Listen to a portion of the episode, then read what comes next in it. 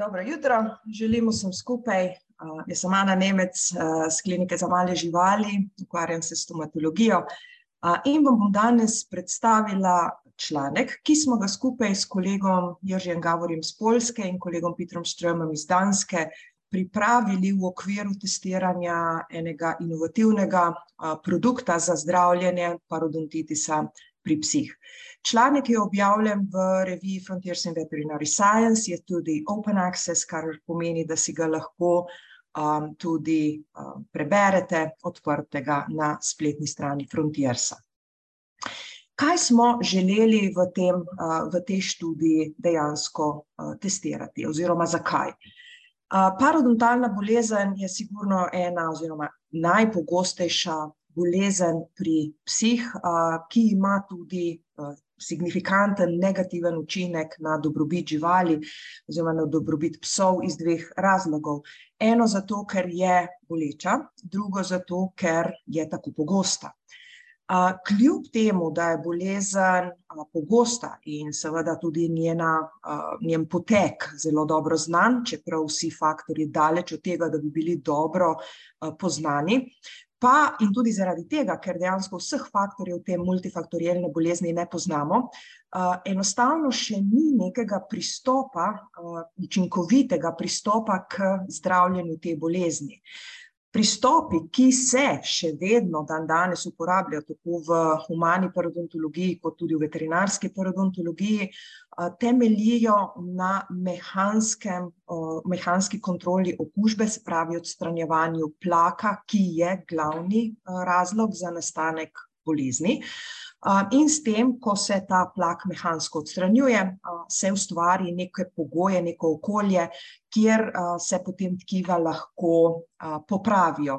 Govorimo o popravljanju in dejansko regeneracija, obnovitev teh tkiv, parodontalnih tkiv, tkiv obešalnega aparata zoba, je praktično še vedno nekaj, kar je bolj utopija kot realnost. Zakaj? Namreč parodontalna parod, oziroma uh, objektiva opešalnega aparata zoba so sestavljena iz štirih različnih tkiv. Dlesen, pozornica, cement in kost. In seveda, da bi se vsa ta tkiva, vsa ta štiri tkiva sinhrono obnovila, uh, je izjemno težko. Namreč uh, problem je v tem, da vedno to defekt, ki nastane ob izgubi teh tkiv, uh, Um, najpogosteje, najhitreje repopulirajo celice epitela, to so najhitreje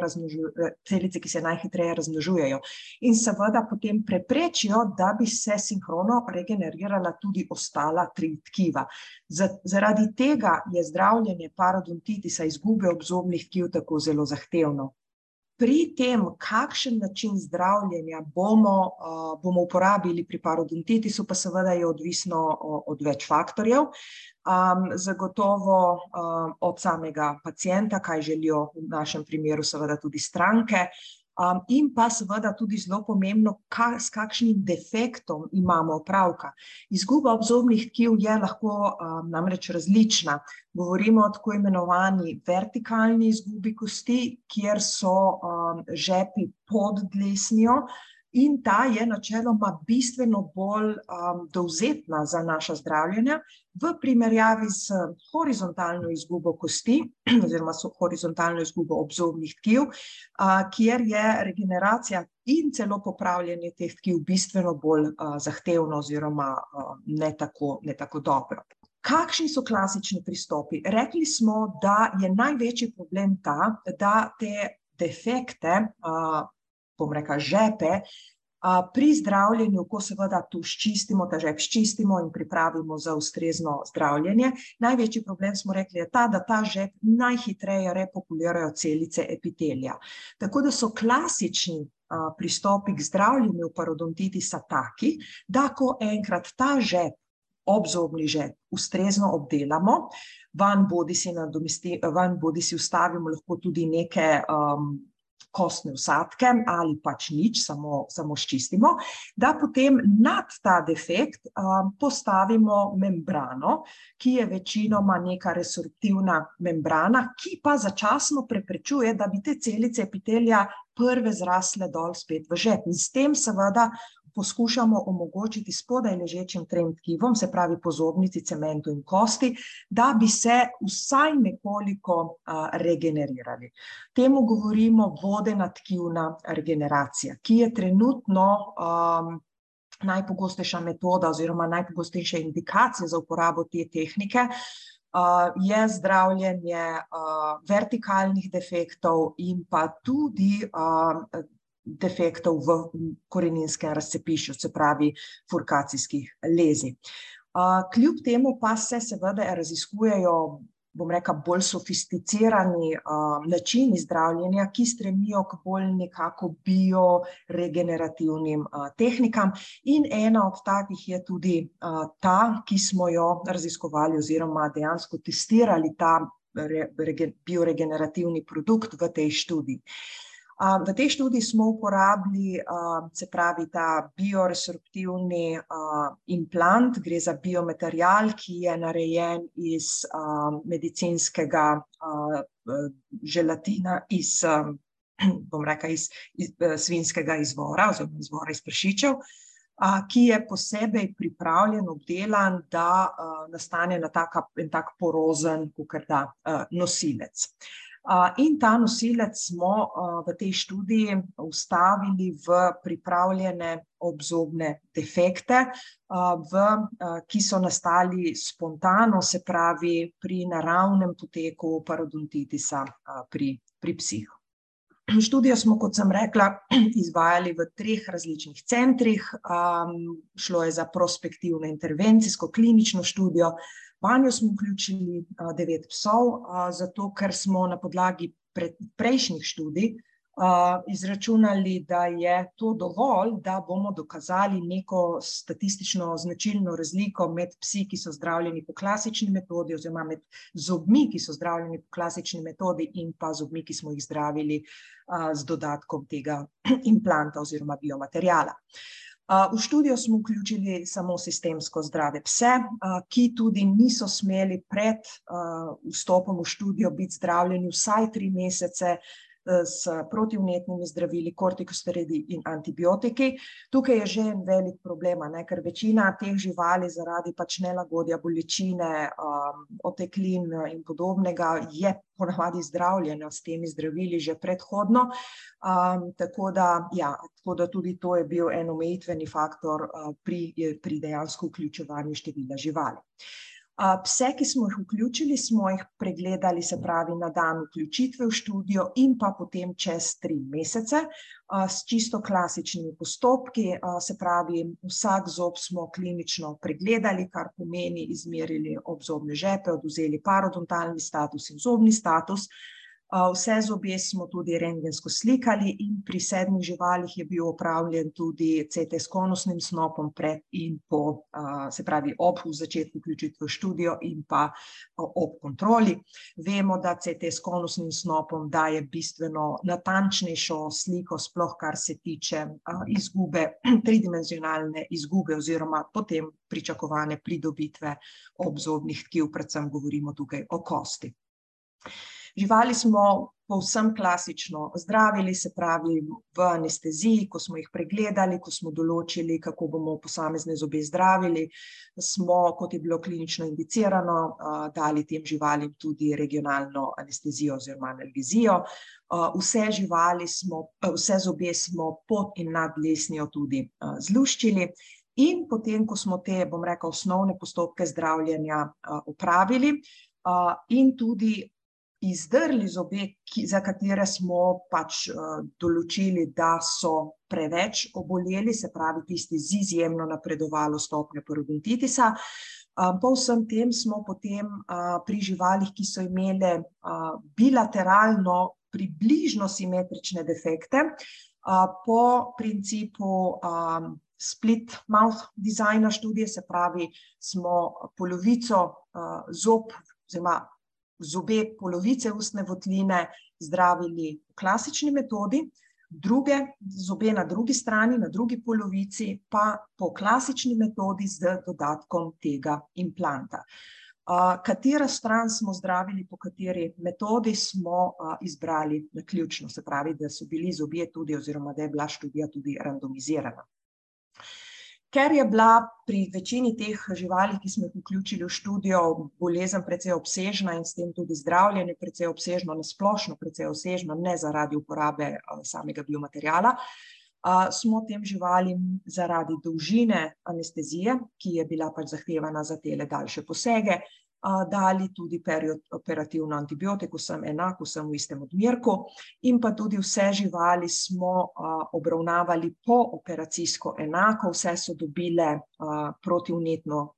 protibolečinsko zdravilo in pa topikalni antiseptik. Za domov nobena žival ni dobila antibiotika, tudi ker je bilo pač nemogoče standardizirati prehrano, smo samo prosili lastnike živali, da prehrane ne spreminjajo, ker bi ta seveda lahko tudi vplivala, a ne, na, na sam potek zdravljenja oziroma, ja, na sam potek izida študije. smo pa seveda, če so živali bile recimo hranjene z briketi, svetovali, da se ti briketi za čas, okrevanja nekoliko namočijo. Da bi čim bolj nekako standardizirali, kar se pač v klinični študiji da, pooperativno nego, smo prosili, da dejansko nobeni od teh živali lastniki doma ne ščetkajo zob za časa teka študije, kar je seveda lahko pripomoglo k nekoliko slabšim rezultatom, ampak vseeno bolj, bom rekla, bolj poenotilo te živali. Kot sem rekla, po, po treh mesecih smo, opravili kontrolo, kar je tudi sicer klinično indicirano pri živalih, ki jih kakorkoli, parodontalno zdravimo. in, opravili smo čez tri mesece, se pravi enake postopke, v anesteziji smo pregledali zobe, ki smo jih zdravili, in pa opravili, bodisi rentgensko slikanje bodisi CT s konusnim snopom. Za potrebe statistične analize smo, primerjali, podatke o globini sondiranja, to je en pomemben podatek, v smislu, koliko smo uspeli zdravljenjem zmanjšati globino teh obzobnih žepov, in pa pri živalih, kjer je bil opravljen CT s konusnim snopom, smo tudi statistično analizirali, višino alveolne kosti, za katero smo seveda pričakovali, da se po zdravljenju, zviša, se pravi, da bo kostnine več. kot sem rekla, v študijo smo vključili devet psov in pri njih dvaindvajset zob, se pravi enajst zob na eni strani smo zdravili po klasični metodi, se pravi odprto, luščenje in glajenje korenin, drugo stran, zobe na drugi strani, enajst zob, smo pa zdravili, s to klasično metodo, se pravi odprto luščenje in glajenje korenin in vstavitev tega, biomateriala. Vse živali smo pokontrolirali klinično, čez štirinajst dni, kar je klasičen, pristop, pri zdravljenju, in, ugotovili, da so se vsa mesta, tako na klasično zdravljeni strani kot tudi na strani, zdravljeni s tem bioimplantom, celila brez posebnosti, tudi stranke niso poročale o kakršnihkoli, posebnostih. Čez tri mesece, ko smo živali spet anestezirali in, ponovno odvzeli parodontalni status, smo ugotovili, da je, bilo krvavenje ob sondiranju, kar je en od kliničnih znakov vnetja, dlesni oziroma obzobnih tkiv, da je bilo enako oziroma da se je izboljšalo pri večini, zdravljenih zob, se pravi na obeh straneh, tako s klasično metodo kot, z biomaterialom, in da se je tudi globina sondiranja zmanjšala tako pri zobeh, ki so bili zdravljeni s klasično metodo, kot tudi pri zobeh, ki so bili zdravljeni z bioimplantom, s tem da se je pri zobeh, ki so bili zdravljeni z bioimplantom, dejansko ta globina sondiranja zmanjšala statistično značilno bolj kot pri zobeh, ki so bili zdravljeni s klasično metodo. In sicer govorimo o povprečju, zmanjšanja globine sondiranja za en milimeter pri, zobeh, zdravljenih s klasično metodo, in pa dva milimetra pri zobeh, zdravljenih z, bioimplantom. Te številke se morebiti zdijo nekoliko majhne, ampak moramo vedeti, da je to v, parodontologiji kar velik, velik uspeh, bomo tudi videli kasneje v diskusiji, kaj je bilo ugotovljeno v preteklih študijah, redkih, saj tega veliko ni, kjer so testirali nekatere druge produkte. Podobno kot za globino sondiranja smo ugotovili tudi za uh, alveolno kost, namreč ta se je pri, uh, tako pri klasično zdravljenih zobeh, kot pri zobeh zdravljenih s tem bioimplantom, uh, zvišala. Uh, s tem, da se je pri zobeh, ki so bili zdravljeni z bioimplantom, zopet statistično, uh, značilno bolj, izbolj, bolj izboljšala kot pri zobeh zdravljenih s klasično metodo. In govorimo o o pridobitvi alveolne kosti v rangu od 0,7 mm pri klasično zdravljenih zobeh do 1,5 mm pri zobeh zdravljenih s bioimplantom. Če pogledamo sedaj v diskusiji te naše rezultate, dva pomembna podatka. En pomemben podatek je ta, da s to študijo potrjujemo to, kar klinično ne malokrat opažamo in kar je seveda znano tudi iz humane parodontologije, da že samo mehansko, klasično mehansko zdravljenje obzobnih žepov po treh mesecih izboljša zdravje obzobnih tkiv. Se pravi, če je žep globok nekje kot so bili v tej študiji, več kot 5 do 6 mm, odpremo režen in ta žep sčistimo, tako da ga dejansko vidimo, vizualiziramo in dejansko mehansko opravimo debridmat teh obolelih tkiv in vrnemo brez kakršnega koli implanta, vrnemo režen v normalno pozicijo. To že samo po sebi, sploh pri vertikalni izgubi kosti, izboljša zdravje obzobnih tkiv v smislu zmanjšanja globine sondiranja tega žepa in pridobitve alveolne kosti. Drug pomemben podatek, ki smo ga dobili v tej študiji, pa je ta, da dodatek bioimplanta, ki smo ga testirali klasičnemu zdravljenju še bolj izboljša izide zdravljenja. Ta bioimplant, ki smo ga testirali, se je izkazal tudi izjemno enostaven za uporabo. Dejansko je pripravljen kot posušen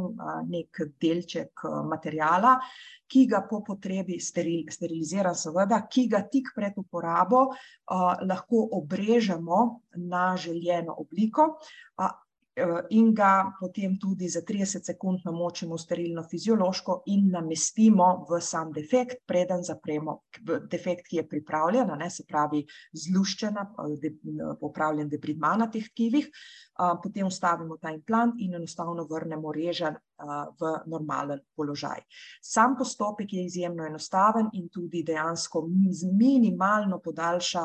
sam čas zdravljenja teh obzobnih tkiv. Zdaj, če primerjamo naše, te naše rezultate s predhodno objavljenimi, ne, vedeti moramo, da je v parodontologiji, v veterinarski medicini dejansko zaradi potrebe po anesteziji, zato da, da lahko spremljamo uspeh, teh študij zelo malo. Je kar nekaj študij oziroma veliko študij, ki so čisto raziskovalne narave, seveda te študije so potem tudi zelo dobro kontrolirane, tako, bom rekla, z vidika kliničnih rezultatov kot tudi slikovne tehnike kot sama histologija in pa seveda tudi razne molekularne metode. Vedeti moramo pa seveda, da gre tukaj za raziskovalne živali. Zakaj je tega toliko? Zaradi tega, ker je pes eden od modelov za parodontalno bolezen pri ljudeh. Je pa seveda treba tudi nekaj vedeti, ne, pri teh raziskovalnih študijah je parodontitis ustvarjen večinoma povsem, bom rekla, pod kontroliranimi pogoji, se pravi, gre za večinoma mehansko ustvarjen parodontitis, bodisi ponavadi gre za recimo neke ligature, ki dražijo tkivo in s tem povzročijo parodontitis, ne. Kar je ponavadi potem lahko težava s prenosom rezultatov direktno v klinične situacije, ker vemo, da je potek, naravni potek parodontalne bolezni, ki je pa z bakterijami večinoma oziroma z mikroorganizmi povzročena bolezen, lahko popolnoma drugačen, ne, se pravi, ta bom rekla, neka dinamika parodontalne bolezni je drugačna v naravno pri naravno potekajoči bolezni kot pa pri eksperimentalno ustvarjeni. Ena zadnjih študij, je bila pa dejansko zelo zanimiva, uh, tale uh, s Kornucijopom in sodelavci, uh, kjer so dejansko uporabili v, v raziskovalni, bom rekla, uh, v raziskovalnem uh, ustroju, uh, so uh, uporabili pse z naravno uh, potekajočo boleznjo, študirali so pa uh, efekt. Um, teleplatelet-rich plazme oziroma fibrina v kombinaciji z odprtim parodontalnim debridmajem. Se pravi, zelo, zelo podobna raziskovalna študija kot to, kar smo imeli, kar smo pripravili mi. In tudi rezultati so zelo podobni. V tej študiji, kjer so testirali ta platelet-rich fibrin, so dejansko ugotovili, da je pri živalih, ki so zdravljene s klasično metodo, podobno kot mi, da se bolezen oziroma stanje obzobnih tkiv izboljša in da se to stanje obzobnih tkiv izboljša še bolj, če poleg klasične metode uporabijo še produkt, ki so ga testirali. Za razliko od naše študije pa oni niso ugotovili efekta na alveolno kost, se pravi, niso ugotovili, da bi s temi tehnikami uspeli obnoviti deloma tudi alveolno kost. Je pa res, da je njihova študija trajala samo 56 dni, medtem ko je naša 90, kar je seveda lahko kar velika razlika v smislu zaznave obnovljene kosti. Tako da tle ostaja malo odprto, ali je bila njihova študija samo malo prekratka, da bi tudi to zaznali, ali da dejansko njihov produkt ne omogoča tako dobre obnove tudi kostnih, kostnega tkiva. Zdaj pa, če primerjamo našo študijo s študijami, ki so bile opravljene v preteklosti, tega res ni veliko, praktično so, so na razpolago tri študije. Ena najstarejših je, ki je uporabljala podobno ta split mouth design, so kolegi testirali doksiciklin, ki je tudi komercialno dostopen in so takrat ugotovili, ne, da so zobje, ki jih zdravijo s klasično metodo in dodatkom doksiciklina, dejansko, da se, da se izboljša izid zdravljenja. Podobno je bilo potem ugotovljeno v študiji, ki je namesto doksiciklina uporabljala klindamicin, ta je tudi komercialno dostopen, ta oblika za zdravljenje parodontitisa, ampak v teh dveh študijah govorimo o bistveno manjši pridobitvi obzobnih tkiv v primerjavi s tem, kar smo ugotovili mi s tem biomaterialom, in sicer za približno v obeh študijah za približno polovico manj kakor v naši študiji, če smo mi rekli, da pri nas je z biomaterialom prišlo do zmanjšanja obzobnega žepa za dva milimetra, so v teh študijah predhodnih ugotovili, da, da gre za zmanjšanje obzobnega žepa za manj kot milimeter, tam nekje med nula sedem, nula osem milimetra, ne. in to je to, kar sem prej omenila, da se te številke zdijo malo, ampak dejansko je to v parodontologiji lahko kar signifikantna pridobitev obzobnih tkiv. kar se tiče klindamicina in doksiciklina, ne, smo rekli, oba sta komercialno dostopna, dolgo so veljali, dolgo je veljalo, da sta pač v tem okviru nekako pripomoreta k obnovi obzobnih tkiv. Ena najbolj zadnjih študij, pardon, kjer so pa testirali klindamicin v primerjavi z doksiciklinom, v primerjavi samo s klasičnim zdravljenjem, mehanskim, pa ni ugotovila nobenih bistvenih razlik med vsemi tremi oblikami zdravljenja. tako da,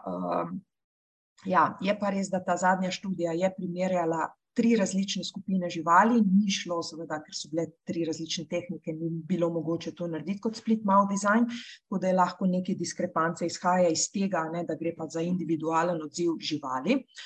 po drugi strani pa vseeno, kot kaže, ti produkti le nimajo tako bistvenega učinka na obnovo obzobnih tkiv, kot pričakujemo od teh novejših biomaterialov, kot so, smo rekli, platelet-rich fibrin in pa ta, ki smo ga testirali v tej študiji. če povzamemo. V tej študiji, ne, se pravi, smo ugotovili, da biomaterial, ki smo ga testirali, je biološko inerten, ta material se dejansko v tekoči obliki uporablja tudi za zdravljenje insuficience sfinktra, urinarnega sfinktra pri psicah. in se uporablja tudi dejansko primarno, primarno je bil zdizajniran za pomlajevanje kože pri ljudeh. Tako da dejansko je material, ki je zelo, zelo dobro testiran v smislu varnosti in v smislu biološke inertnosti. Druga stvar je, da ta biomaterial je izjemno enostaven za uporabo in kot smo dokazali v tej študiji, bistveno izboljša rezultate zdravljenja s klasično metodo. Seveda, ne, zdaj, v tej študiji, ker je bila to pač klinična študija, nimamo nekih histoloških rezultatov, ker je to enostavno bi bilo seveda neetično, jemati vzorce, in pa, seveda tudi nimamo, kontrolnih, kontrolne skupine zob, se pravi nezdravljenih zob, kar bi bilo seveda tudi, neetično. Tako da iz predvsem tega vidika, da nam manjka histološka slika, ne, ne moremo dejansko govoriti, da, so, ta tkiva, da je pri teh tkivih prišlo do regeneracije, lahko da je prišlo samo do reparacije, ne, ne vemo, kako so se vsa štiri tkiva obnašala, dejstvo pa je, to, kar vidimo tudi na tej, sliki, CT, dejstvo pa je, da so se ti obzobni žepi signifikantno zmanjšali, in da je prišlo tudi do signifikantne obnove, alveolne kosti, ne samo do zmanjšanja obzobnega, žepa. Tako da na podlagi te študije dejansko vedno pri zobeh, ki so prizadeti, s parodontalno boleznijo, svetujemo, če seveda ta bolezen ni tako napredovala, da so ti zobje zelo majavi, da imamo že, perioendolezije, a ne, ampak ko govorimo o zobeh, ki so, prizadeti s parodontitisom stopnje dva, tri in zgodnje stopnje štiri, se pravi nekje maksimalno do recimo petdeset procentov izgube ob prirastišča zob, da, opravimo vsaj odprto, luščenje in glajenje korenin oziroma parodontalni debridma, in da, z uporabo produkta, ki smo ga testirali, lahko te, rezultate zdravljenja še dodatno izboljšamo. Je pa res to, kar se ugotavlja tudi pri ljudeh, da na dolgi rok, ni nujno, da ti produkti bistveno, spremenijo, izid preživetja zoba, tako da tako kakor za vse ostale, produkte velja tudi za tega, da, se ga, da ga bo smiselno, testirati tudi na dolgi rok, da se vidi, kako učinkuje v tem primeru. To je to z moje strani za danes, hvala lepa in lep dan.